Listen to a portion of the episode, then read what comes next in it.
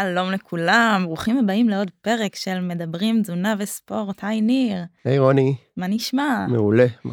אז uh, אני רוצה לספר לכם שגם הפרק הזה הוא בחסות ויבו מיקס פרוביוטיקה משמונה זנים שונים ו-450 מיליארד חידקים חיים, שזה מספר די מטורף. אז uh, שוב המון תודה לחברת פדאגיס שמשווקת את ויבו מיקס ומאוד מאוד עוזרת לנו לעשות את הפודקאסט הזה ואם אה, גם אתם מוצאים ערך בפודקאסט שלנו וככה נהנים להאזין לנו נשמח אם תתמכו בנו גם ותדרגו אותנו יש אה, כזה כוכבים חמודים ב...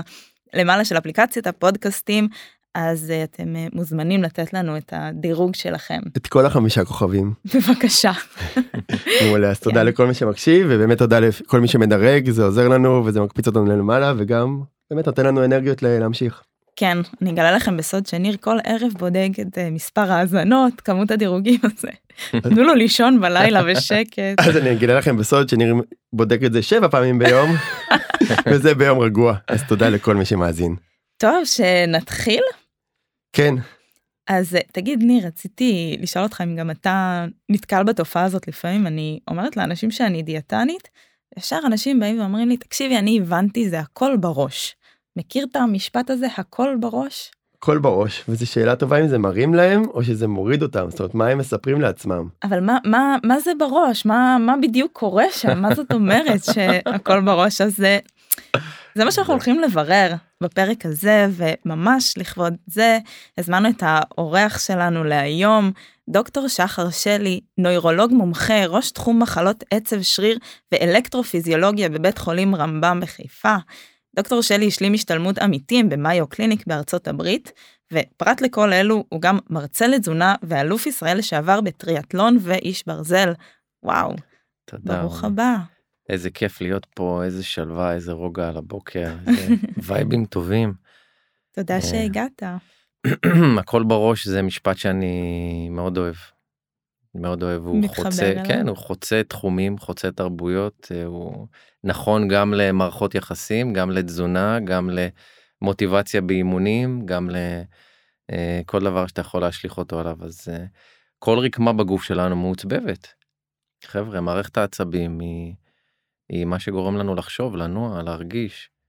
מעולה, תכף אנחנו נצלול. אני יודע, אני לא יכול לחכות. עמוק עמוק, אולי קצת תציג את עצמך גם, תספר לנו קצת על הרקע כן. גם, גם על הספורט. אני, כן, אני נורולוג מומחה, והייתי בעבר אה, אלוף ישראל בטריאטלון, אה, במרחק חצי איש ברזל, אה, והתחרתי בכמה וכמה תחרויות כאלו, גם איש ברזל מלא, אני חייתי, נשמתי, ו... אפילו שקלתי לעשות פעם אחת אולטרה מרתון אבל חבר טוב תפס אותי ועצר אותי בדרך. ואמר לי תשמע אתה עוד לא שם תמתין תמתין. אמ, הראש לי... עוד לא שם הגוף כן, עוד לא שם. כן כן יש אפשר להרחיב על זה למה למה בדיוק אה, הוא עצר אותי. אה, הוא עצר אותך באיזה קילומטר? הוא, הוא עצר אותי שהגעתי אליו אמיתי הגעתי אליו בערב ואמרתי לו תשמע יש לי תוכנית אימונים יש מרתון בסהרה של 100 ומשהו קילומטר. ו... והוא והוא החליט שהתוכנית אימונים שלי אפשר לקפל אותה ולזרוק אותה כי היא תגרום לשברי מאמץ ואנחנו לא נחזיק מעמד. ו... אה, והוא אמר לי אתה צריך עוד שנתיים של hardcore competitions לפני שאתה קופץ לזה. אה, זהו חוץ מזה יש לי פוקוס של עניין גדול מאוד בתזונה. אה, אני מאוד מאמין בתזונה אני מאמין בחיבור בין התזונה לגוף וכמובן בין הגוף למוח. ו... אני עוסק אה, המון שנים בסביבה הזו, יש לי חברת אה, סטארט-אפ שהקמנו, אה, שקשורה גם איך המוח משפיע על הגוף, ואיך אפשר לרתום את זה כדי לטפל במחלות. אני תמיד אומר שאנחנו נוטים לפשט דברים בחיים. אנחנו קצת כמו, אם אני יכול לצייר את זה בצורה כזו של תדמיינו שאתם עומדים על איזשהו משטח מעץ. אוקיי? ואת המשטח הזה מושכים בשלשלאות סוסי מרוץ, אוקיי? והם טסים קדימה. עכשיו אתה מנסה להאט, ומה שאתה מנסה כדי להאט זה לא לנגוע בסוסים, אלא אתה מנסה לאחוז בענפים סביבך, אה, אולי לנגוע קצת בקרקע, אבל הכוח שמניע אותך, הכוח האמיתי, שהוא נותן לך את התאוצה לאן שאתה הולך, הוא הכוח הפנימי הזה, החיבור בין המוח לגוף. זה הדבר המשמעותי, ואם אתה משפיע עליו, על הסוסים האלה שטסים איתך קדימה, אז אתה שולט בחיים שלך. אז באמת אה, הרבה אנשים רואים את הקשר בין הגוף לנפש. אה, יש טרנד, יש אנשים שמטפלים בגוף ונפש, יש אנשים שמטפלים בגוף כדי לרפא את הנפש, בנפש כדי לרפא את הגוף, אז אולי תוכל להסביר לנו באמת אה, האם יש קשר כזה? שאלה מדהימה, מדהימה, מדהימה, כי אגב אפשר לדבר עליה שבוע. האמת שמעניין אותי מה ניר ואת חושבים, כי שתיכם שניכם אה, באספקטים שונים מחזקים את החיבורים האלו. אה, אבל אני אגיד לכם שאני אה, תמיד תהיתי מה גורם לאנשים מסוימים להיות עמידים יותר מאנשים אחרים. בכל אספקט, גם באספקט של התמודדות עם חולי לצערי, גם אספקט של עמידה במצבי לחץ, עמידה בעומס אימונים, היה לכם פודקאסט מדהים על, על פציעות באימונים. אמ, ברור שיש פה משלב של גורמים, אני לא מנסה לפשט את זה ולהגיד שהקשר בין המוח לגוף הוא גורם דטרמיניסטי בלעדי על היכולת שלך לעבור קושי מסוים. יש את היכולת הפיזיולוגית שלך, את הגובה שלך, את הדברים שאתה לא יכול לשנות, אבל מכל שזה הדבר... גם נקודה סליחה שאני קוטע נקודה מאוד מעניינת כי אני חושב, אני חושב שעם שינה טובה ועם תזונה טובה והתנהלות טובה אולי גם על הגובה סליחה אפשר לשנות uh, במידה כזו או אחרת. אמ, יש לך פוטנציאל השאלה אם אתה ממצה אותו. אני חושב שעוד לפני הכל אולי שנייה נשאל מה זה נפש. מדהים שאלה קשה אה, הנפש מבחינתי אה, מבחינה תיאולוגית אני מסתכל עליה כחלקיק האלוהי בתוכנו. אה, ואולי הרעיון המרכזי שמאפיין כל בן אדם. הרעיון המרכזי שמאפיין כל בן אדם הוא הנפש. הליבה אם אתם רוצים. אני חושב שמה שיותר חשוב הוא איך באה לידי ביטוי הנפש בעולם. איך הנפש שלנו באה לידי ביטוי בעולם. בסופו של דבר זה ההכרה והמודעות יחד עם איזשהו אופי שנכנסים ומתלכדים יחד. אה, ההכרה והמודעות עם האתיקה הפנימית שלך בסוף גורמת לך למעשים שלך ומחליט, וגורמת לך להחליט איך תתנהג. האתיקה הפנימית שלך מה זה זה משהו מעניין מאוד. מה זה זה הסטנדרטים שלך כלפי עצמך קצת. ואיך אתה מתנהל, באיזה שעה אתה קם בבוקר, איך אתה מדבר עם אנשים, אם אתה דובר אמת או מעגל פינות. אז האופי כן הוא הגרעין הזה שממנו יוצאים כל הדברים האלו, והוא זה שמחליט בסופו של דבר מה אתה מגדיר כטוב או רע. בסוף נפש זה יכול להיות משהו יותר רוחני וכאלה נפש... וזה נשאיר בצד בפר, בפרק הזה אנחנו מדברים כאילו בתכלס במוח מה קורה שם כשאני דובר אמת כשאני רוצה להמשיך להתאמץ שאני מתלבט אם לקום בבוקר כן או לא שאני עכשיו צריך להגיד לילד דבר כזה או אחר מה קורה שם במוח שאומר לי אוקיי. אז תראה אז, זה קורה אז אתה אתה מחבר נראה אתה בין הנפש להתנהגות אתה עושה את הליפ הזה שאמרנו שהנפש היא מקור ההתנהגות. אז כי בסופו של דבר התוצאה הסופית היא שאתה לא קם בחמש לאימון נכון אבל זה משהו התנהגותי. שהוא קשור כמו שאמרתי לבחירות שאתה עושה והאתיקה הפנימית שלך אבל אם הנפש שלך תהיה נפש של אדם מיוסר מה זה הנפש מבחינה נורולוגית אני חוזר רגע לשאלה שלך אין תשובה לזה. אין תשובה לזה אה, כמו שאמרתי אני מסתכל על זה מבחינה תיאולוגית כחלקיק אלוהי. כמשהו שהוא בלתי ניתן אה, אה, לתיאור מבחינה ביולוגית אם אתם רוצים ממש לחוץ אותי לפינה עם הגב לקיר אז אפשר להגיד שהנפש היא סכום כל האלמנטים המוחיים שמגדירים מי אנחנו. אוקיי. זה... שזה מעניין. אני חושבת שכולם יסכימו על הקיום של הדבר הזה, אנחנו מרגישים את זה, אנחנו מדברים על זה, ומה שבאמת מעניין זה איך זה מתקשר לגוף, הרי אם הגוף שלי סובל, גם הנפש תסבול, וגם להפך, נכון?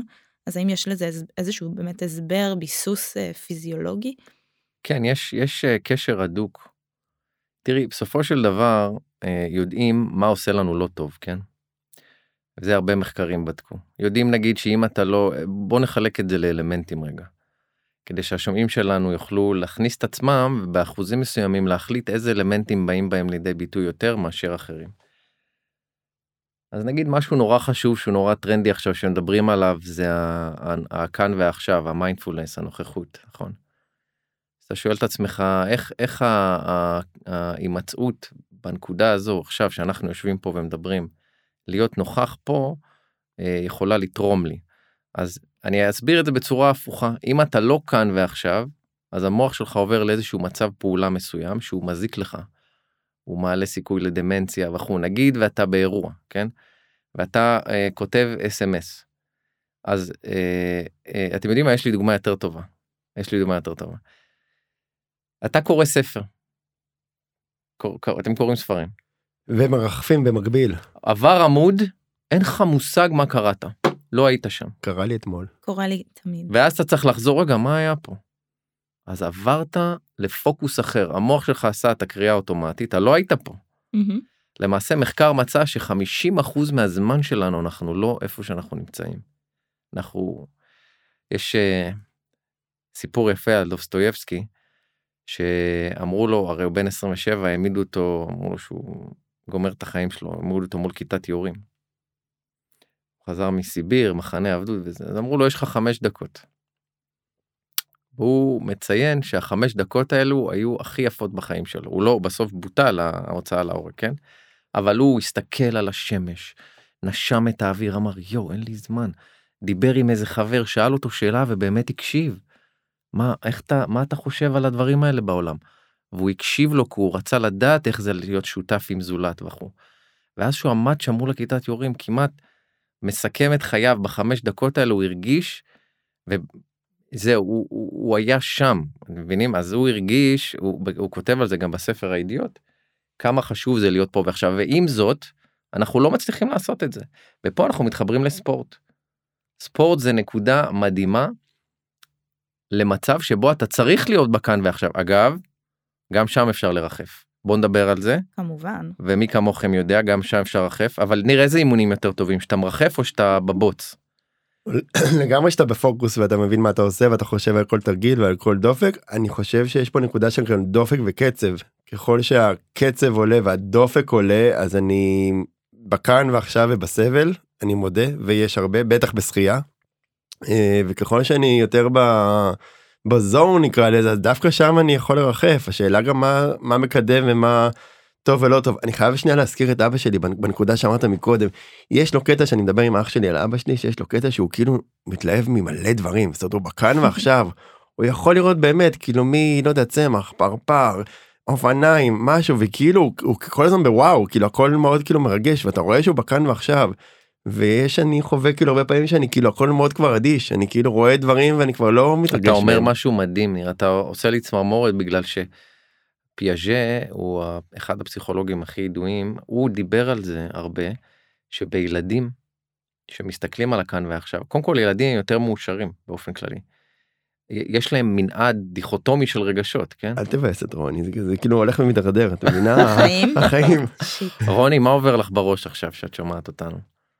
מה את חושבת האמת, נו אני ממש כאן ועכשיו, אני פשוט מקשיבה. כיף לך כן כיף לי, כן. היא מאושרת. כן. אז זה טוב זה וזה, אומר וזה נדיר, כי אני אדם עם המון הסחות דעת. זאת אומרת, אני... הרבה פעמים, כאילו, אני... שואלים שאלה ואני כבר חושבת מה תהיה השאלה הבאה. אז אה, תפסתם אותי ברגע נדיר. אז תראי אז באימונים שלי והיו לי רגעים שזה מה שעשיתי בחיים אני רציתי להגיע לבייג'ין ב2008 אבל בגלל פציעה הייתי צריך לוותר על החזון הזה ונהייתי רק רופא אבל אחד הדברים שהכי היו לי קשים שאתה מתאמן המון זה להגיע לאימון בפוקוס. כי הייתי מפוזר האימון היה כמו לוז. טוב היום אני רץ בבוקר שוחה בערב מחר אני רץ שוחה בו. והייתי ממש מתאמץ אני זוכר את עצמי. שם את הנעלי ספורט נגיד וזו ריצת נפח ואני אומר לעצמי אני לא הולך לשקוע עוד פעם בריצת נפח הזאת. לאבד שעה וחצי מהחיים ולהרגיש כאילו אני לא יודע איפה הזמן עבר או שחייה ארוכה. וכדי לה, לעזור לעצמי אני אני אתן טיפ מה שהייתי עושה הייתי מפרגמנט את האימון. הייתי עושה אה, אלמנטים שונים הייתי מחלק את האימון לחלקים. הייתי אומר אוקיי. אני אה, ונותן לעצמי אתגרי דמה כאלה אוקיי 20 דקות ראשונות אני הולך לעשות פולים בריכות חתירה אני אנסה לעשות אה, אה, להוציא את הראש כל חמש. כל חמש אה, תנועות.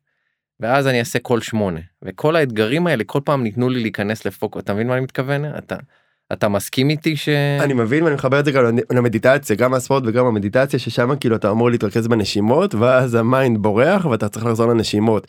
בשחייה אני חייב להגיד שוב מה- מהעולם שלי אני עד היום אה, מאוד קשוח עם זה שלא יהיה לי שום אה, אה, מוזיקה, לא יהיה לי אוזניות, אין לי שום דבר קשוח. בספורט שאני עושה וואו. שהוא מסיח את הדעת, בטח במים, אולי אני קצת old school, אבל ברמה הזאת, אולי בחדר כושר שזה גם טעות, אולי נדבר על זה, כאילו בחדר כושר אני יכול לעשות לעבוד עם מוזיקה, ואז אני באמת פחות חושב על השריר, ויש מחקרים מאוד יפים שמשווים בין הרגע שאנשים באמת חושבים על הפעולה של השריר, של ה biceps, triceps, whatever, מהמם, לעומת כאלה שהם לא חושבים על השריר, מהמם. ויש שוני, יש שוני מובהק. אפשר לדבר על זה. בספורט, מתי אפשר נשמע לדבר על זה. פודקאסטים? נכון, חבר'ה הרבה שואלים אותי אם לשמוע מוזיקה בספורט גורם לך אה, ל- לביצועים נמוכים יותר לאורך זמן. יש תשובה? אני אני עוצר את עצמי כי אני אומר כן. כי זה עניין כזה אם אתה רוצה להתמיד והמוזיקה עוזרת לך להתמיד do it אם אתה רוצה ממש לשפר ביצועים ברמות הכי גבוהות אתם יודעים האחיינית שלי סתם ב- בנבחרת ישראל בג'ודו אין שם אה, תוך כדי מה, נבחרת ישראל בג'ודו כולם עם אוזניות זה לא קורה אתה מורכז בתוך התרגיל כן, בתוך ה... אבל אני רוצה לפצל את התשובה ניר, מהמם. כי רוני שאלה אותי. היא שאלה זה נכון? אז אני מפצל את זה לשני חלקים. חלק ראשון בוא נדבר על פיזיולוגית. כי אנחנו מדברים פה עכשיו על הקשר בין המוח לגוף. פיזיולוגית אם אתה רץ 20 קילומטר עם מוזיקה או בלי מוזיקה הגוף שלך נע 20 קילומטר אתה בקצב שלך סימנת וי אתה תשתפר. מהמם. אבל, אבל גדול, אימונים יש להם אספקט מנטלי אדיר. אחד, כי אתה עובר סבל מסוים יחסי, ואחרי כל סבל אתה יוצא טוב יותר, ופה אני נכנס לאני מאמין שלי. והאספקט הזה הוא קריטי ב... לעשות ספורט לאורך זמן. אתה לא רוצה פיק בחיים, אתה רוצה לעשות ספורט כל החיים 30 שנה. בדיוק, ועלייה. כי אתה צריך לפתח איזשהו חוסן מנטלי. חוסן מנטלי ופיתוח החוסן המנטלי הזה לא הפיזי הגוף הוא, הוא משהו שיכול להשתנות בן רגע יש לך וירוס אתה לא יכול לזוז אחרי יום נכון נכון. חוסן מנטלי הוא הקשר שלנו שמחבר אותנו ומחזיק אותנו בזמן סערה. זה, זה מה שאני אני אשמח מאוד אם נדבר עליו ואיך על ידי ספורט או אלמנטים נוספים כי עד עכשיו דיברנו רק על הכאן ועכשיו זה האלמנט הראשון. אני מחזיר אותנו אחורה לשאלה של איזה אלמנטים יכולים לפגוע בקשר בין המוח לגוף. נכון אז אמרנו רק הכאן ועכשיו ומזה יצאנו לספורט ויצאנו לכל הדברים האלו. אז אני אז אני שוב אני חוזר אני רק מפצל את התשובה כן יש פיזיולוגית תרוצו עם מוזיקה חבר'ה. תשחו עם מוזיקה הכל טוב זה חשוב. אתם עדיין עושים את הספורט בגלל זה ובזכות זה אגב זה יכול להיות גשר. ללעשות אה, אה, ספורט גם בלי זה כלומר זה חשוב. אני רוצה להגיד עוד משהו שהוא נורא חשוב לי ניר אני יודע שאני מעריך בשאלה הזאת אבל זה קריטי לי כי אני רוצה לדבר על יצירתיות. יצירתיות לפעמים בשביל יצירתיות אתה צריך לעשות משהו אחד בשביל לחשוב על משהו אחר. אתה יכול להיות יצירתי מאוד בזמן שאתה קורא ספר ופתאום עולים לך רעיונות שלא קשורים למה שקראת. כנ"ל בספורט אתה יכול לעשות את הספורט ולהשתמש בו כגשר לחיבור לעולם הפנימי שלך והנה אני עושה סגווי לחלק השני שחשוב שלשמור כי הוא משמר על המוח גוף קונקשן והוא התבוננות פנימה. התבוננות פנימה. אז תראו איזה מורכב זה מה אמרנו פה. אמרנו שלשמוע מוזיקה בריצה זה טוב וקצת לא טוב אבל זה גם טוב בגלל שזה נותן לך עוד אלמנט של התבוננות פנימה. למה? כי אתה כרגע לא רץ אלא אתה חושב על החיים שלך ומי מגדיר אותך כי אנחנו כולנו רוצים להיות לחיות חיים של לוחמים. אנחנו רוצים גבעה לכבוש אותה ולחשוב על הגבעה הבאה לא משנה איך ת, תקמטו את זה. זה יכול להיות לפתח את המשפחה הכי טובה זה יכול להיות להיות הכי טוב בעבודה להיות עם הפודקאסט עם הכי הרבה השמעות. אנחנו רוצים את החיכוך הזה וזה מה שמחזיק אותנו. אוקיי אז ההתבוננות פנימה אני אשמח אם גם נשמע אתכם איך בדרכים שלכם כל אחד מכם מצליח למצוא זמן להתבונן פנימה. האמת שפעילות גופנית זה משהו שאני המון שנים משתמשת ככלי להתמודדות עם הכל. זאת אומרת, אני יודעת שלולא הייתי עושה פעילות גופנית, לא הייתי מצליחה להתמודד באותו אופן עם uh, קושי ועם uh, מצוקה וסבל ועצבים. מדהים מה שאת אומרת. כן. מה, מה את יכולה לה- להיכנס קצת לעומק פה מה הכוונה לא הייתי יכולה להתמודד עם, עם סבל. לא, לא הייתי יכולה אותי. להתמודד באותו האופן. זאת אומרת שאני חושבת שהייתי אדם הרבה יותר מתוסכל בלי ספורט. כן. אבל למה? זו שאלה טובה, זה משהו שגיליתי כעובדה, אני לא יודעת להסביר אז אני אגיד לך, למה. את- כי את מקבלת חוסן מנטלי מהתגברות על קשיים. עכשיו, זה במקרה שלך הוא ספורט, אבל להתגבר על קושי זה גם יכול להיות אה, לקבוע לעצמך, יש לך פחד קהל ואתה קובע לעצמך כל חודש הרצאה מול אנשים. ואתה יוצא תחת הגיליוטינה הזאת כל פעם מחדש, ואתה יוצא חזק יותר, אוקיי? זה לא חייב להיות, האלמנט של ספורט פה הוא משהו מאוד מיוחד, כי הוא קשור לגוף. וזה כאילו נושא השיחה שלנו, יש פה איזה חיבור, שתבינו, זה כביש דו סטרי. פעם חשבו שהגוף זה, המוח שולט בגוף. ובסוף הגוף עושה מה שהמוח אומר, היום מבינים שלא. אתם יודעים שעומדים בתנוחות מסוימות, יודעים שאפשר להעלות טסטסטרון, יש את ה- מה שנקרא wingman position. שעומדים ככה עם הזה, ידיים על המותניים כאילו רואים אותנו אז ידיים על המותניים. אה לא רואים אותם, נכון. ועמידה זקופה. נכון.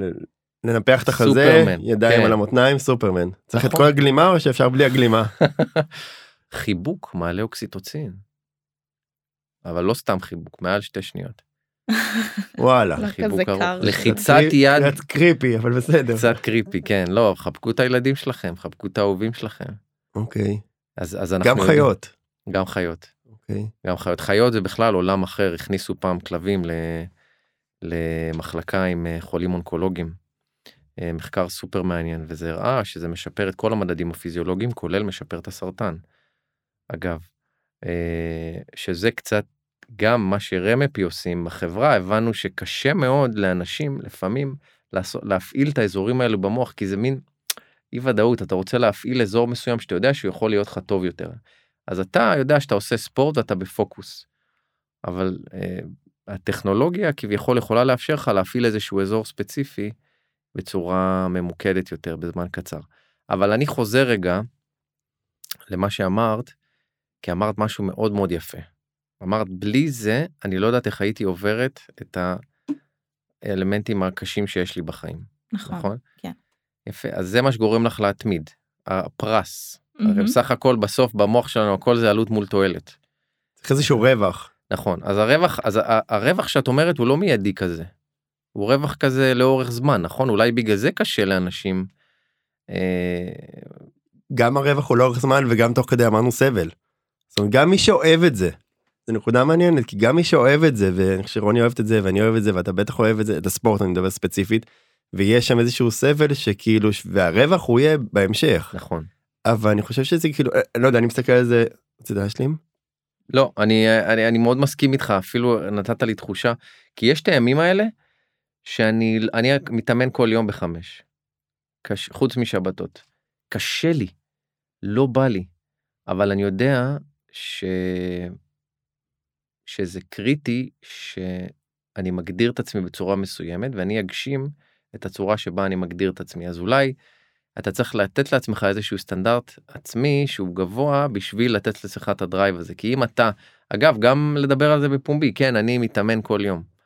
אני מתאמן שלוש פעמים בשבוע. להצהיר את זה להצהיר כאילו כמו את זה. שאנשים אומרים אני מפסיק לעשן כאילו זה זה זה זה הגדרה טובה כי זה נשמע עכשיו כמו איזה קלישאה כזאת אני אתחיל דיאטה מיום ראשון. אבל כשאנשים יוצאים בפרהסיה מול כולם ומגדירים וצועקים אני הולך להפסיק לעשן או אני מתחיל לעשות סרטוני יוטיוב אני יוצא מה, מהנוחות שלי ומתחיל לצלם עכשיו כל יום סרטון או כל בדיוק. שבוע סרטון. השאלה שלי האם יש ובדיאטות ניר אם אתה אומר אתה נכנס לארוחה ואתה אומר אני לא יכול לאכול דברים לא בריאים הרבה יותר קל לך לסרב לאוכל מפתה. כי אתה אומר אתה כבר מכניס את עצמך לרובריקה הזאת. כולם אומרים אה הוא מאלה שזמנית לא אוכלים בריא זמנית נראה אותו עוד שבוע. כן, זה... השאלה שלי עם דברים אחרים כמו כי אני יודע שגם מדיטציה יכולה לשפר לי את, ה... את היכולת גם מילה טובה גם מישהו שמאמין בך או בי לצורך העניין. אה, גם התבוננות זאת אומרת היכולת לשכב על הספה ולא לראות נטפליקס ולא להיות בטלפון חמש דקות שבע דקות עשר דקות מה שנקרא להתבונן as is. השאלה אם זה שווה ערך לספורט זאת אומרת אנחנו כל הזמן מקדשים פה את הספורט ואין מה לעשות זה פודקאסט מדברים תזונה וספורט אנחנו בעולם הזה. השאלה אם מישהו אומר תקשיב אני אוכל בריא. אני עושה הרבה דברים טוב או לא יודע הולך ותורם ומתנדב ועובד עם אה, אנשים ועם חיות ויש לי כלבים בבית אבל ספורט זה פחות אני אני מוכן לעשות הליכה ולא כמו שאמרת לא לעשות אולטרה מרתון ולא לקום בחמש בבוקר זה לא יקרה מה שנקרא ותכף נדבר על הנקודה של מה זה אומר זה לא יקרה. אם הוא מספר לעצמו סיפור והאם זה כן יכול לקרות האם זה גנטי או לא גנטי. והשאלה שלי אם זה good enough תאכל בריא תעשה קצת לא יודע הליכות טיפה כזה ותעשה מדיטציה. אני מת על השאלה הזאת. מיינדפולנס התבוננות. אני מת על השאלה הזו. כי היא גורמת לי אני, אני רציני אני ממש נהנה כי היא גורמת לי לחשוב אה, יותר לעומק על האם יש באמת משמעות לחיבור עם הגוף שקשור, שקשורה לעבודה פיזית של הגוף. אז אני אענה לך, אני אגיד לך שאנחנו אנשים, כבני אדם, כיצורים ביולוגיים, יש לנו פונקציות שאנחנו צריכים להגשים, כמו אה, התרבות, כמו לאכול, כמו לשתות. יש לנו שרירים. יש לנו שרירים לא רק בשביל לשאת את השלד, כי השרירים שלנו יכולים לשאת פי כמה וכמה ממשקל השלד שלנו. ולכן התשובה שלי לך היא שכן, אנחנו צריכים לעשות איזושהי פעילות שהיא מאמצת, כי אנחנו בנויים לזה. עכשיו, צריך להגדיר מטרות קטנות בהתחלה. אפשר להגיד שההליכה הזאת, כל יום, אם תעשה את, ה, את ההתקדמות הזאת של החצי מילימטר, אתה אחרי שנה תהיה במטר קדימה. אז, אז כן, גם אם מישהו מרגיש, וזה לא מעט קורה, אגב, גם במשפחה שלי, שאין סיכוי שהוא ירוץ, לא חייב לרוץ, יש מלא סוגים של ספורט, אפשר להרים משקולות וזה. אבל שוב, אני אומר להגדיר יעדים קטנים. אם אתה מגדיר כמו תא, תראו, יש תמיד את העניין שאתה שואל את עצמך, מה, מה, אם יש דבר כזה אמת אבסולוטית, מה אתם חושבים? יש דבר כזה נגיד ספורט זה דבר טוב זה אמת אבסולוטית נגיד האם יש דבר כזה אמיתות אבסולוטיות לא אני בכלל נגד אה, דיכוטומיה של שחור לבן אז הכל הכל יחסי כאילו זה מה שאת אומרת. ויש הרבה תחומים אפורים כן. אז אני אני אומר זה איינשטיין. יושבת בו בשפה. הכל יחסי. היא אומרת כן. הכל יחסי. אני אומר אני אומר שכמו שיש חוקים בפיזיקה וחוקי אווירודינמיקה יש גם חוקים לחיים. זה שלא גילינו אותם במדויק, אנחנו ככה בדרך. אני חושב שיש אמיתות אבסולוטיות, אבל הן ברסיסים. עכשיו, איך אתה בודק מהי אמת אבסולוטית? אני אגיד לכם. אתה לוקח הצהרה, ואז אתה מנסה להשליך אותה על כל תחומי החיים, על סוציולוגיה, על ביולוגיה, על כלכלה, ואתה בודק אם היא נכונה.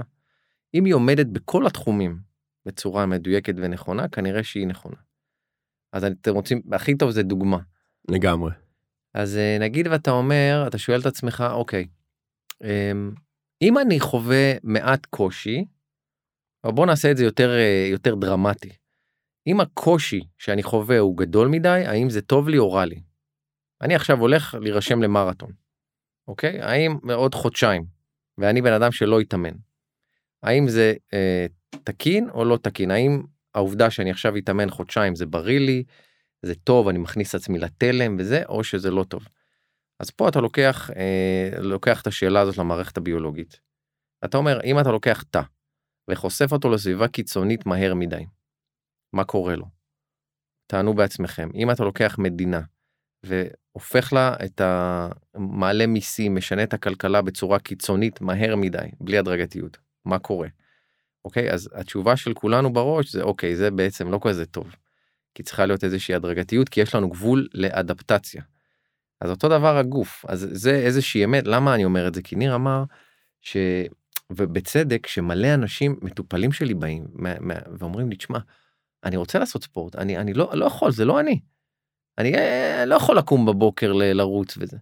אז אני מנסה למצוא איזה קרקע בין משהו ביניים שהבן אדם כן יכול לעשות צריך להתאמץ לחשוב ולמצוא את הדבר הזה יכול להיות שצריך אה, אולי לסחוב את הקניות בדרך, אתה יודע, לשלב את הכאילו, לא לקרוא לזה ספורט. כן, ולהרים לו. שאלה שלי אם הוא באמת לא, אמרת הוא לא כזה, או שזה סיפור שמסופר, או שזה גנטיקה, או שזה אפי גנטיקה, או מה קורה שם שהוא אומר, עכשיו אני לא כזה. זאת אומרת, מה קורה במוח, והאם הוא באמת מספר את הסיפור הזה. אה, מדהים. וזה סיפור נכון. אמיתי או לא אמיתי. נכון נכון למעשה אנחנו חיים את המציאות של עצמנו ברגע שהוצאת משפט כזה מהראש זה מהפה אז אתה למעשה הלכה למעשה מחזק אותו ויוצר את הדבר הזה לגבי אפגנטיקה יש משהו מחקר נורא מעניין על אלצהיימר. שדיבר על איזשהו גן שנקרא אפו אי אפסילון. זה גן ש... כן זה גן שאם יש לך אותו יש לך אה, סיכוי פי 6 אה, או פי 4 או פי 6 אה, אה, לקבל אלצהיימר בגיל צעיר, אוקיי? שזה, אלצהיימר זה מחלה שגורמת לדמנציה. ואז החוקרים לקחו משפחות שיש להם את הגן הזה, אבל מה הם עשו? הם נתנו להם לאכול בריא, עשו פעילות גופנית, והשוו אותם לאנשים שלא חיו בריא ולא עשו פעילות גופנית. והראו שלמרות שיש להם את הגן, האלו שלא עשו כלום, פיתחו את הכל פי 4 או 6 יותר מהר ויותר צעיר מאלו שכן. מתחבר מאוד למה שניר אומר, שזה שיש לך את הגן, או שיש לך איזשהו משהו שמונע ממך לבצע משהו, זה לא אומר שאתה צריך להזניח את התחומים האחרים, נהפוך הוא. זה אומר שחולקת עם קלפים מסוימים, אז אתה צריך אולי יותר להקפיד. כי זה לא אה, אה, איזשהו יעד ברור שאתה תגיע אליו, כי זהו, עכשיו זה הגן שלך ואין לך מה, יש לך בעיות בלוטת התריס, אתה לא יכול לעשות ספורט. אה, דוקטור, יש לי, אה, אני ברך לא טובה, אני לא יכול, רק שחייה וכלור עושה לי גירודים. אה, יש, נכנסים לי מים לאוזן, זה מלא מלא מלא דברים כאלה קטנים, כן? אבל זה לא סוף הדרך, המטרה פה היא כן לתת איזושהי מוטיבציה, אולי בחלק הראשון של הפודקאסט דיברנו כמה זה חשוב לשמר את הקשר הזה, ועכשיו אנחנו יותר בקטע של לפתור בעיות, למה אם אתה חושב שזה לא מתאים לך, למה אתה כן דווקא יכול לעשות את זה. דווקא רציתי, ניר, להיכנס לאלמנט השלישי שפוגע בחיבור גוף נפש, שלא נפסח עליו, והוא אה, דיכאון ודיבור עצמי שלילי. אה, שיש לכולנו את זה, כולנו סובלים מזה, מי לא מדבר על עצמו, אנחנו כביכול החבר הכי טוב של עצמנו, אבל לא באמת. אנחנו נכון. תמיד מורידים את עצמנו. זה משפט מדהים, כן. זה משפט מאוד יפה. אני תמיד אומרת שיש לנו שטן ומלאך על הכתפיים, ויש לנו את הקול השלילי ואת הקול החיובי, וצריך באמת לשים לב את האיזונים ביניהם ולמי אנחנו נותנים יותר משקל ומתי. למי אנחנו מקשיבים מתי? כן. בבוקר. שאתה צריך לצאת וקר ולא בא לך לשחות. רוני טובה בבוקר, יש את רוני של הבוקר, אתם לא מכירים אותה, רוני ממש טובה בבוקר. יש את רוני של הבוקר שזה אדם אחר. בערב, אין רוני פשוט. אז אז בוא נגיד בוא נגיד באמת כי אני אני מרגיש שהמאזינים שלנו עכשיו הם בדיכאון. בוא נגיד להם את האלמנטים שהם יכולים לפתור את הבעיות האלו. מה צריך להיות לך בחיים כדי להתחיל להתקדם לכיוון הבריא הזה של חיזוק הקשר בין הגוף לנפש.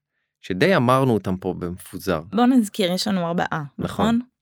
אז אמרנו הראשון זה המודעות לעכשיו דיברנו על זה נכון. ואמרנו שיש כל מיני דרכים לעשות את זה אה, ניר אמר שהוא אה, סופר את הבריכות או זה או כל מיני דברים. אה, השני זה חיבור לזולת לא כל כך דיברנו על זה. חברים. חיבור לזולת הוא מאוד מאוד חשוב. חלק מהאלמנטים של חיבור לזולת זה לדעת אה, אולי להיות כן ואמיתי כי גם זה מה שמושך את הזולת ולדעת להקשיב. אה, כן להשקיע זמן למרות שלאף אחד מאיתנו אין זמן לשעה הזאת בשבוע להיפגש עם חבר. יש זמן, אין סבלנות. אני לא יודע אם זה אותו סבלנות, כן, דבר. אתה אני רוצה לרוץ? ש- שיש זמן לכולנו, מן הסתם גם אותו זמן, אבל אני חושב שהסבלנות של אנשים מתקצרת. אולי מ overflow, אולי אה, מדברים אחרים, אבל אני חושב שהסבלנות, אני מרגישה שאין לי זמן להשקיע בכל האנשים שאני אוהבת והייתי רוצה לבלות איתם שעה מהשבוע שלי, זה, לא- זה לא כזאת משימה פשוטה. אני מסכים, ההערה שלי- שלי הייתה אישית. כן, אז איך לא- אתה פותר את עניין הסבלנות? אגב למה אין סבלנות? בוא נשאל אחורה כי אתה מה? אני אני אסבך טיפה. אני אומר אני חושב שהסבלנות תגיע ברגע שאני אבין או מדוקטור לנוירולוגיה או מספר אה, שכתב אותו מישהו שאני מעריך אותו שאני אבין שאם אני אפנה לזה עוד זמן כמו שנגמלתי מהתמכרויות כאלה ואחרות כמו שאני עושה את הספורט לא זה שזה זה קצת יותר בא מאהבה כמו שאני עושה מדיטציה זאת אומרת הבנתי שזה טוב לי אז אם אני אבין שסובלנות ושיח עם הזולת באמת ייתן לי משהו ויהיה לי רווח. אני ארצה להשקיע בזה כי יותר. אתה פרגמטי אתה אומר אתה מעשי ח- שכלתני כן. אני גם מגיע כן. מהמדע זאת אומרת אם תגיד לי שעשר דקות ביום וזה חשוב אז אני אנסה לעשות את זה יש דברים שאנחנו עושים אינטואיטיבית זאת אומרת רוב האנשים בשבת מקדישים יותר זמן למנוחה. גם ב- דיברנו קצת על הבלו זון גם שם האנש- האזורים הכחולים שעל פניו חיים יותר באריכות חיים יותר אה, ארוכה וטובה אז כאילו גם שם רואים שיש יום אחד שהוא מוקדש למשפחה ויום אחד שהוא מנוחה קצת דומה גם ליהדות. אז השאלה באמת כאילו אם אני אדע שזה טוב ולא רק כי הרב אמר אז לי יהיה יותר קל לעשות את זה. אני צריך לראות את הרווח אישית. הבנתי. ואם ש- זה לא מיידי הרווח הוא בסופו של דבר אה, תקשורת שלא מבוססת על אינטרסים זה העניין בחיבור לזולת. אתה צריך איזה שהם אלמנטים בחיים שלך שהם מעבר לדברים שקשורים אליך, שהם יותר uh, קשורים לעולם. Uh, רוני?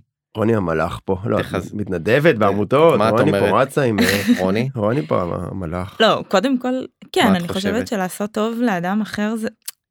כלומר, זה כבר אנחנו נכנסים לדיון פילוסופי, אבל נטול אינטרסים זה, זה מונח שהוא מעניין, כי אם אני עושה טוב לאדם אחר וזה גורם לי טוב, אז האם לא, זה אינטרס? לא, חכי, זה לופ, זה כשל לוגי, אבל אם את כן. עושה טוב לאדם אחר ולך אין רווח מיידי, ישיר מהסיפור הזה, זה שזה עושה לך טוב, זה לא... זה לא הופך את זה לאינטרס. לא, לא. וגם לשבת עם חברה טובה, עם, עם משפחה, זה, זה גם משהו שאני נהנית ממנו, כלומר, אני לא רואה בזה איזשהו בזבוז זמן, אני לא מרגישה שהייתי יכולה לנצל את הזמן בצורה טובה יותר.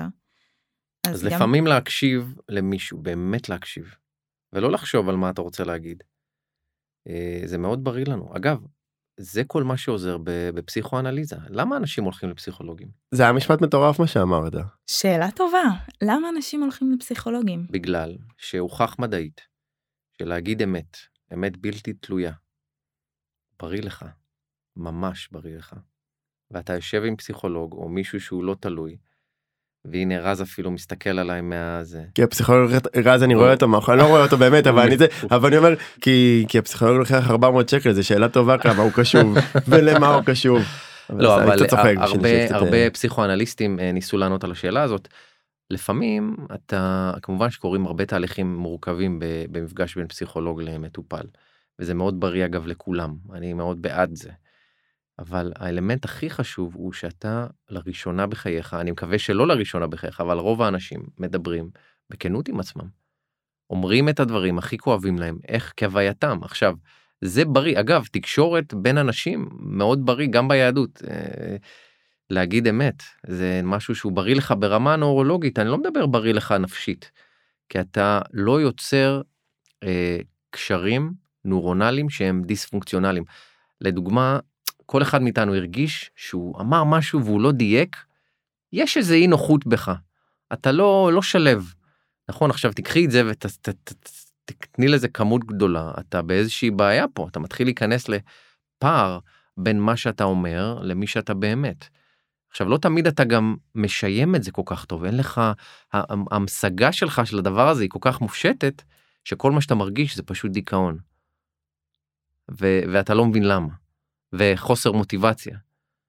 אני רוצה רגע לסטות טיפה מהנושא, כן. אבל אמרת פה אה, איזשהו מונח מפוצץ, קשרים אה, נוירולוגיים או משהו בסגנון הזה, mm-hmm. ואני רוצה שרגע באמת תחבר אותנו לפיזיולוגיה, כי אני מרגישה שאנחנו באמת מדברים על המוח, והנטייה היא ללכת לכיוון הפסיכולוגיה. נכון.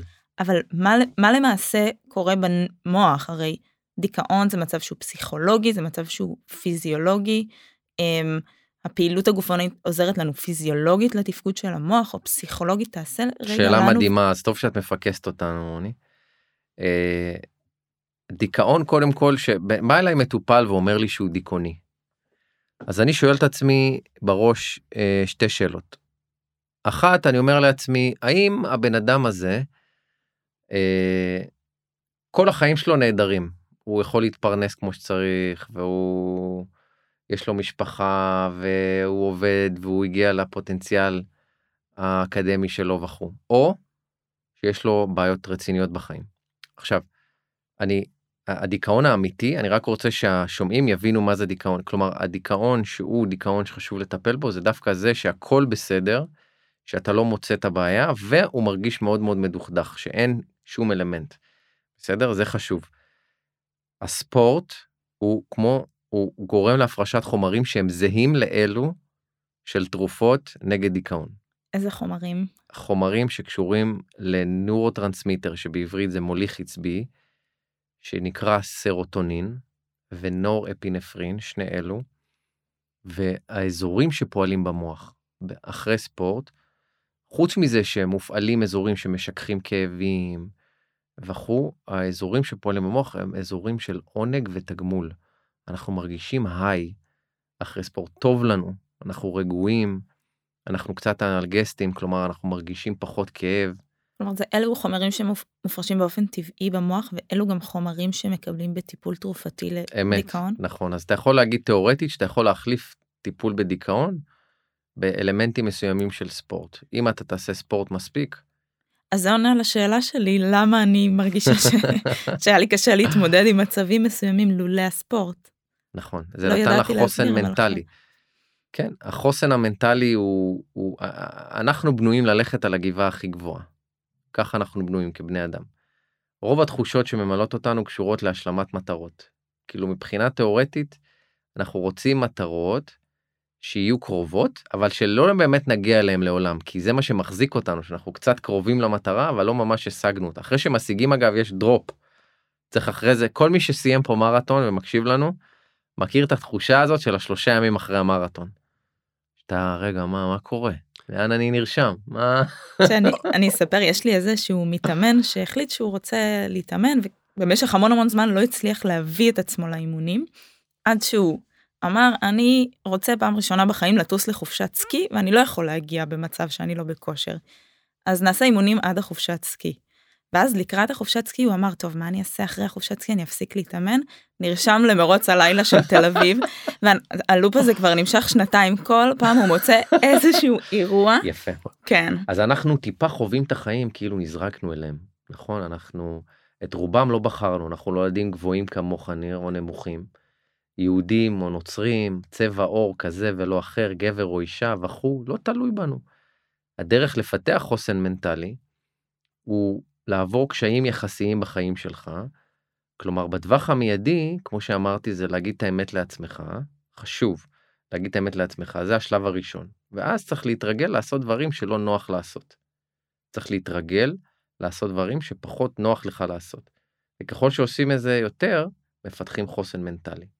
ואז מה קורה במוח? אז במוח הרשתות האלו שהן רופפות בהתחלה, של לעשות משהו שלא טוב לך והקושי שאתה מרגיש שאתה צריך להתגבר עליו, כמו חיכוך, לאט לאט יורד, כי המוח שלך לומד להבין שדווקא הפעולה הזאת היא קשה רק בהתחלה, ואחר כך אתה מקבל את התגמול, הוא כבר אוטומטית חושב על התגמול. אתה למעשה מלמד את המוח שלעבור את הקושי הזה זה משהו בריא. להכניס אלמנטים של ספורט לילדים נגיד, בתור הורים, זה נורא חשוב, כי הילדים גם כבר בגיל הצעיר, אגב, זה טופיק לפודקאסט אחר לגמרי, למה בגיל צעיר חשוב לעשות ספורט. אני מדבר, לעצמך. אני מדבר על uh, מתחת לגיל 8, כן? בגיל, בגיל בין 5 ל-8, 9, וזה גם לא ספורט שגרתי, לא מוציאים אותם לריצות. חוזר, כל משפט פה מרתק אותי. אני חוזר שנייה לנקודה מקודם, כי אני מרגיש שטבע האדם הוא לא לעלות על גבעה כל הזמן, אלא טבע האדם בעולם אולי המודרני, אני אדייק את זה, הוא כבר הפך להיות למינימום לזוז. זאת אומרת, אני אשב מול הטלוויזיה, אני אוכל, אני אהנה במיידי. אני רוצה להוסיף על זה שאולי הפסגה הזאת היא לא פיזית.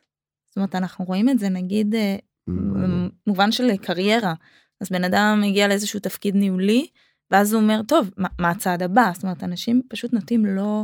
אבל ניר אומר, ניר אומר שאנחנו דווקא אנחנו רוצים לשכב ולאכול כל היום. כאילו שהאבולוציה אה. אומרת, תקשיב, אם אתה יכול לשבת מתחת לעץ וליהנות, ויפול עליך, אז, אה, אז זה עדיף כאילו, ו, ואם אין ברירה, אז יש לנו שרירים שיזיזו את השלד, ש, שיגרמו לנו, ואני מרגיש שאנחנו כאילו חוזרים אחורה למינימום לזוז.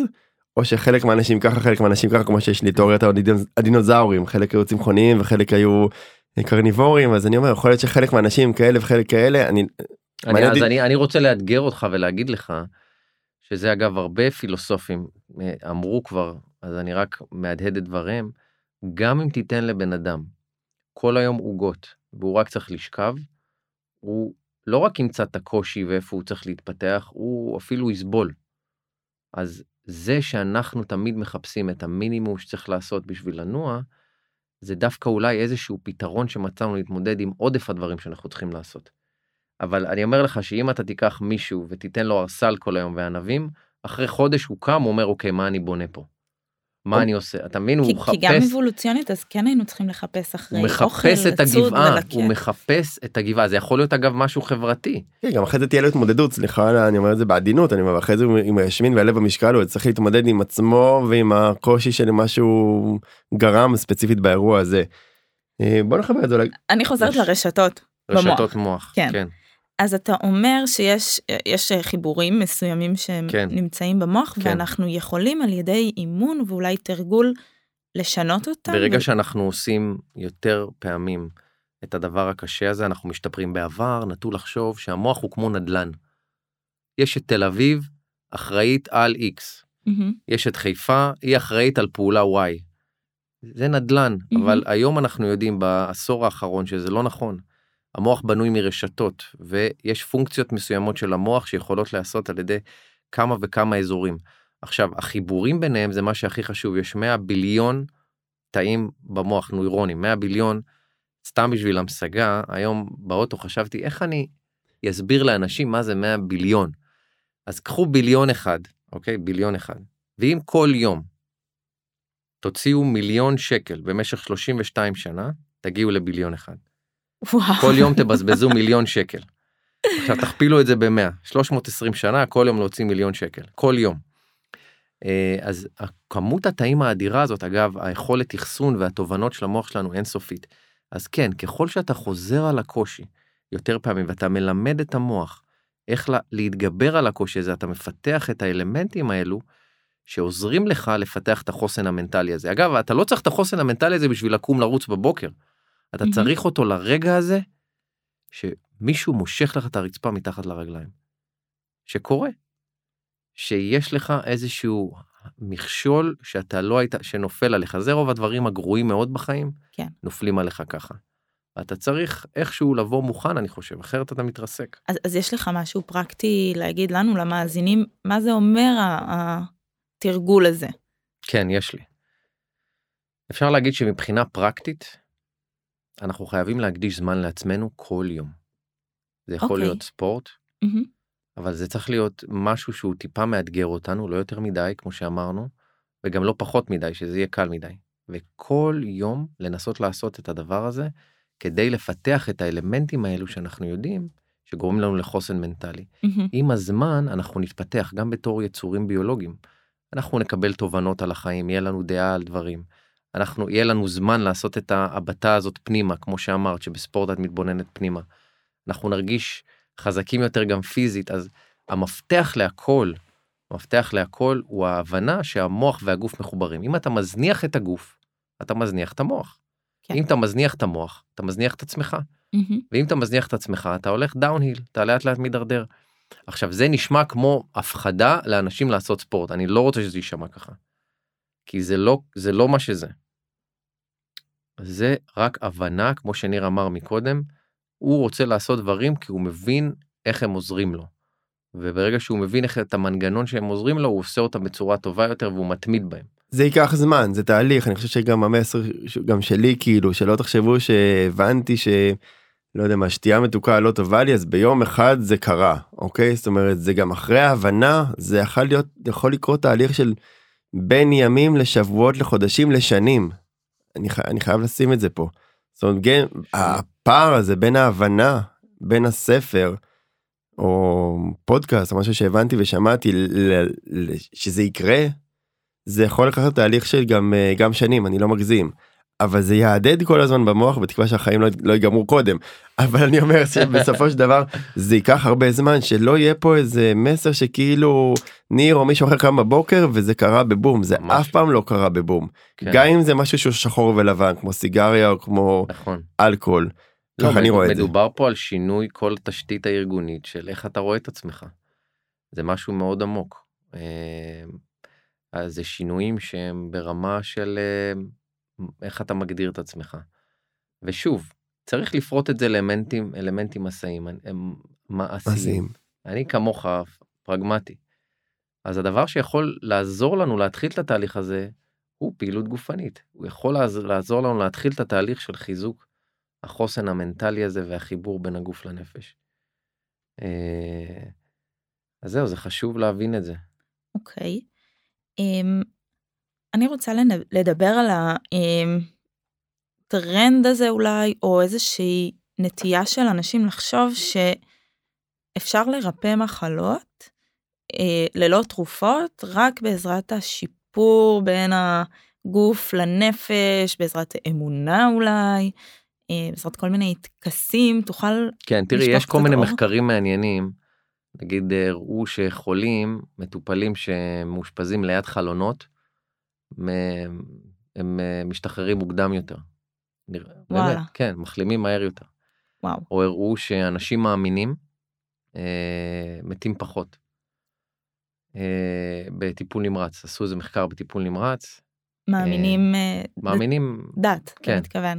אוקיי. אה, ועשו סטטיסטיקה, לקחו איזה שנה ובדקו. אה, אני חושב שהיום, אגב זה מתקשר שוב לרמפי. אתה יודעים שיש אלמנטים מסוימים במוח שהם עובדים, מערכת החיסון עובדת. יש איזשהו ציר נורא נורא חשוב. הרבה מחלות אוטואימוניות קשורות למצב מנטלי, ומתפרצות שמצב המנטלי לא טוב. לא חסרים אנשים שאומרים שהתחיל להם ציליאק, או התחיל להם מהמם. סוכרת. אה, ומחלות אוטואימוניות אחרות כמו קרון.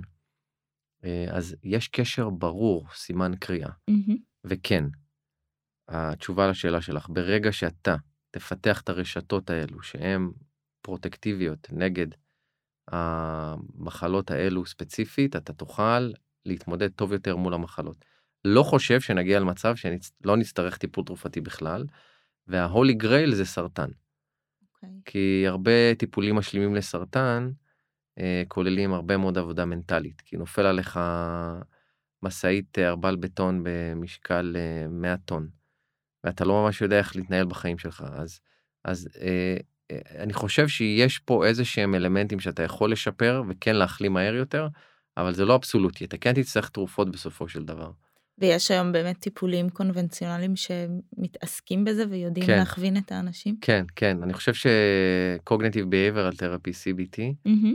זה דוגמה נפלאה לאיך אה, איך, אה, זה משתלב ביחד עם טיפול תרופתי לרפא מחלות. אוקיי, האם זה גם יכול ליצור נזק התעשייה הזאת, או האמירה הזאת שאפשר לרפא המון מחלות בעזרת בסופו ה... של דבר כן, אנחנו הרופאים מקבלים אה, מטופלים אה, שאנחנו יודעים שיש להם כרגע איזושהי אה, מחלה שדורשת טיפול מיידי, אימיננטי, וקצת כמו שניר אמר, זה תהליכים הנפשיים הם מתרחשים ברמה של חודשים שנים. מהמם. אה, ואתה אתה, אתה נתקל במין אה, טיפה אה, פחד מתרופות. אה, שאני אני, אני מבין את הרציונל, אני מחבק את האנשים האלו, אבל אני חושב שדווקא חזית הטכנולוגיה היום והמדע והטיפולים המולקולריים הקטנים והביולוגיים החדשים, הם כן משהו שיכול להאריך תוחלת חיים. אני לא חושב שאנחנו צריכים להיות עם אנטי לזה. כן. אז יש סכנה בזה שאתה משווק משהו שאתה אומר, אנחנו לא צריכים טיפולים תרופתיים, אנחנו עושים את זה. קצת, אה, כן. אני פותר לכם את זה בשנייה. מה? אתה רק אומר שהתרופה הזאת גם מרזה.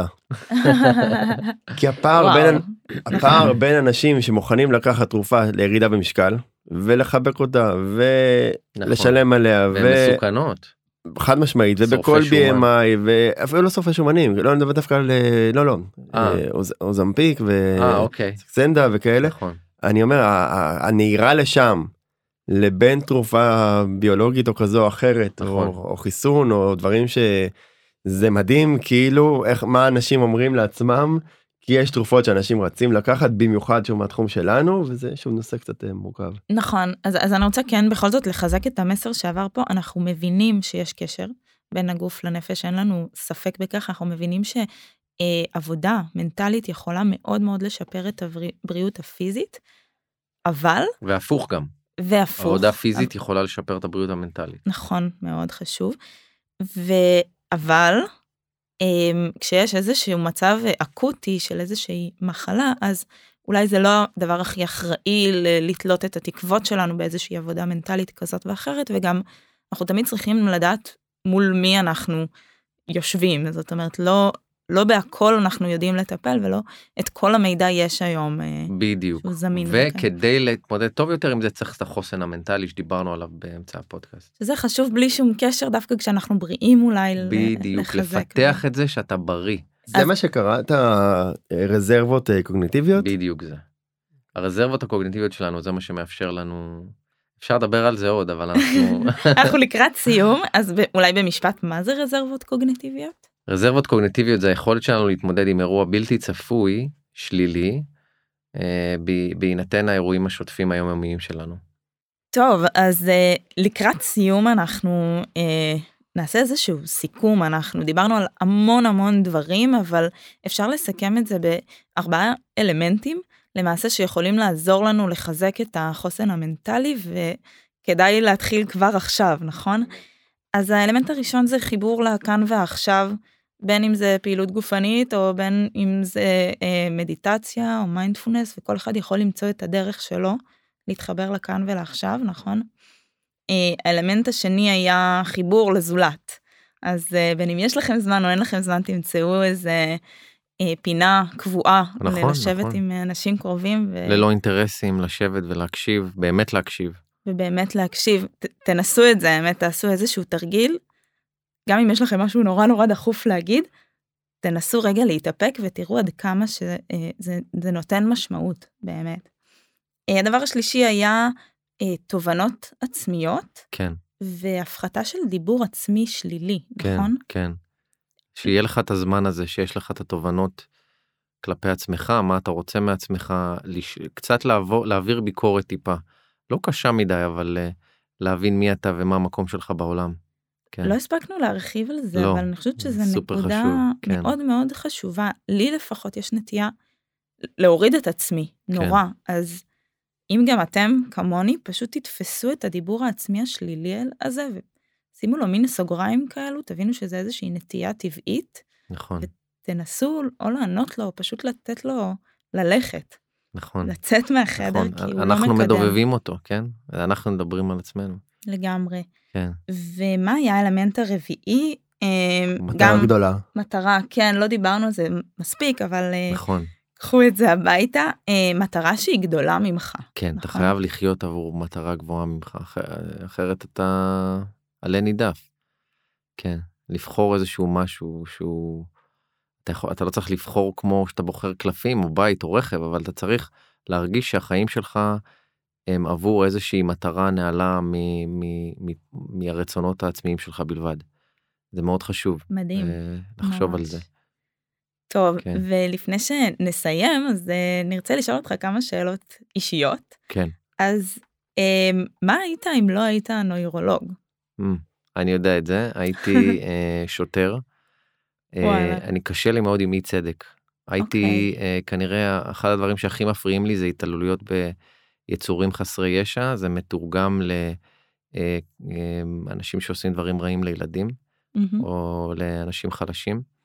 זה מטריף אותי אני זה כל כך מטריף אותי שאני יכול כל הלילה אה, לחכות מחוץ לדלת ולראות אם אה, מישהו רע יעשה משהו ל... קיצר חסרי ישע יש לי נורא רגישות לזה וואו. פגיעה בחסרי ישע. מדהים זה בהחלט מטרה שהיא גדולה גדולה ממך. אה, מאכל אהוב מאכל אהוב כן סושי סושי כן. הובלך על המוח שלך. כן אה גדול גדול. והשאלה השלישית זה איזה ספורט אתה עושה היום? היום אני רץ ועושה המון אימוני כוח. אמ, כן אני אני חי גם ב intermittent fasting אני עושה IF כבר הרבה זמן יצאתי מ keto לפני איזה שנה. וואו אוקיי. אז בוא נעשה פה איזה משהו. segue אתה רוצה segue? אנחנו לא לא הספקנו לענות על אה, השאלות שהמאזינים היקרים שלנו שאלו. ולכן אה, דוקטור אה, שחר שלי יישאר איתנו לפרק בונוס נוסף שהוא שאלות ותשובות על השאלות מהקהל. אז אה, תישארו איתנו לפרק הבא ולמי שהאזין עד עכשיו אז תודה רבה ותודה רבה דוקטור שחר שלי. בכיף רק שאלות היה. נבחרות בחרנו. כן כן. שאלות נבחרות וצום לסירוגין ויש פה נקודות גם לי יש עוד שאלות מהקהל. אז תישארו אנחנו חוזרים ממש בפרק הבא. יאללה ביי. ביי ביי תודה.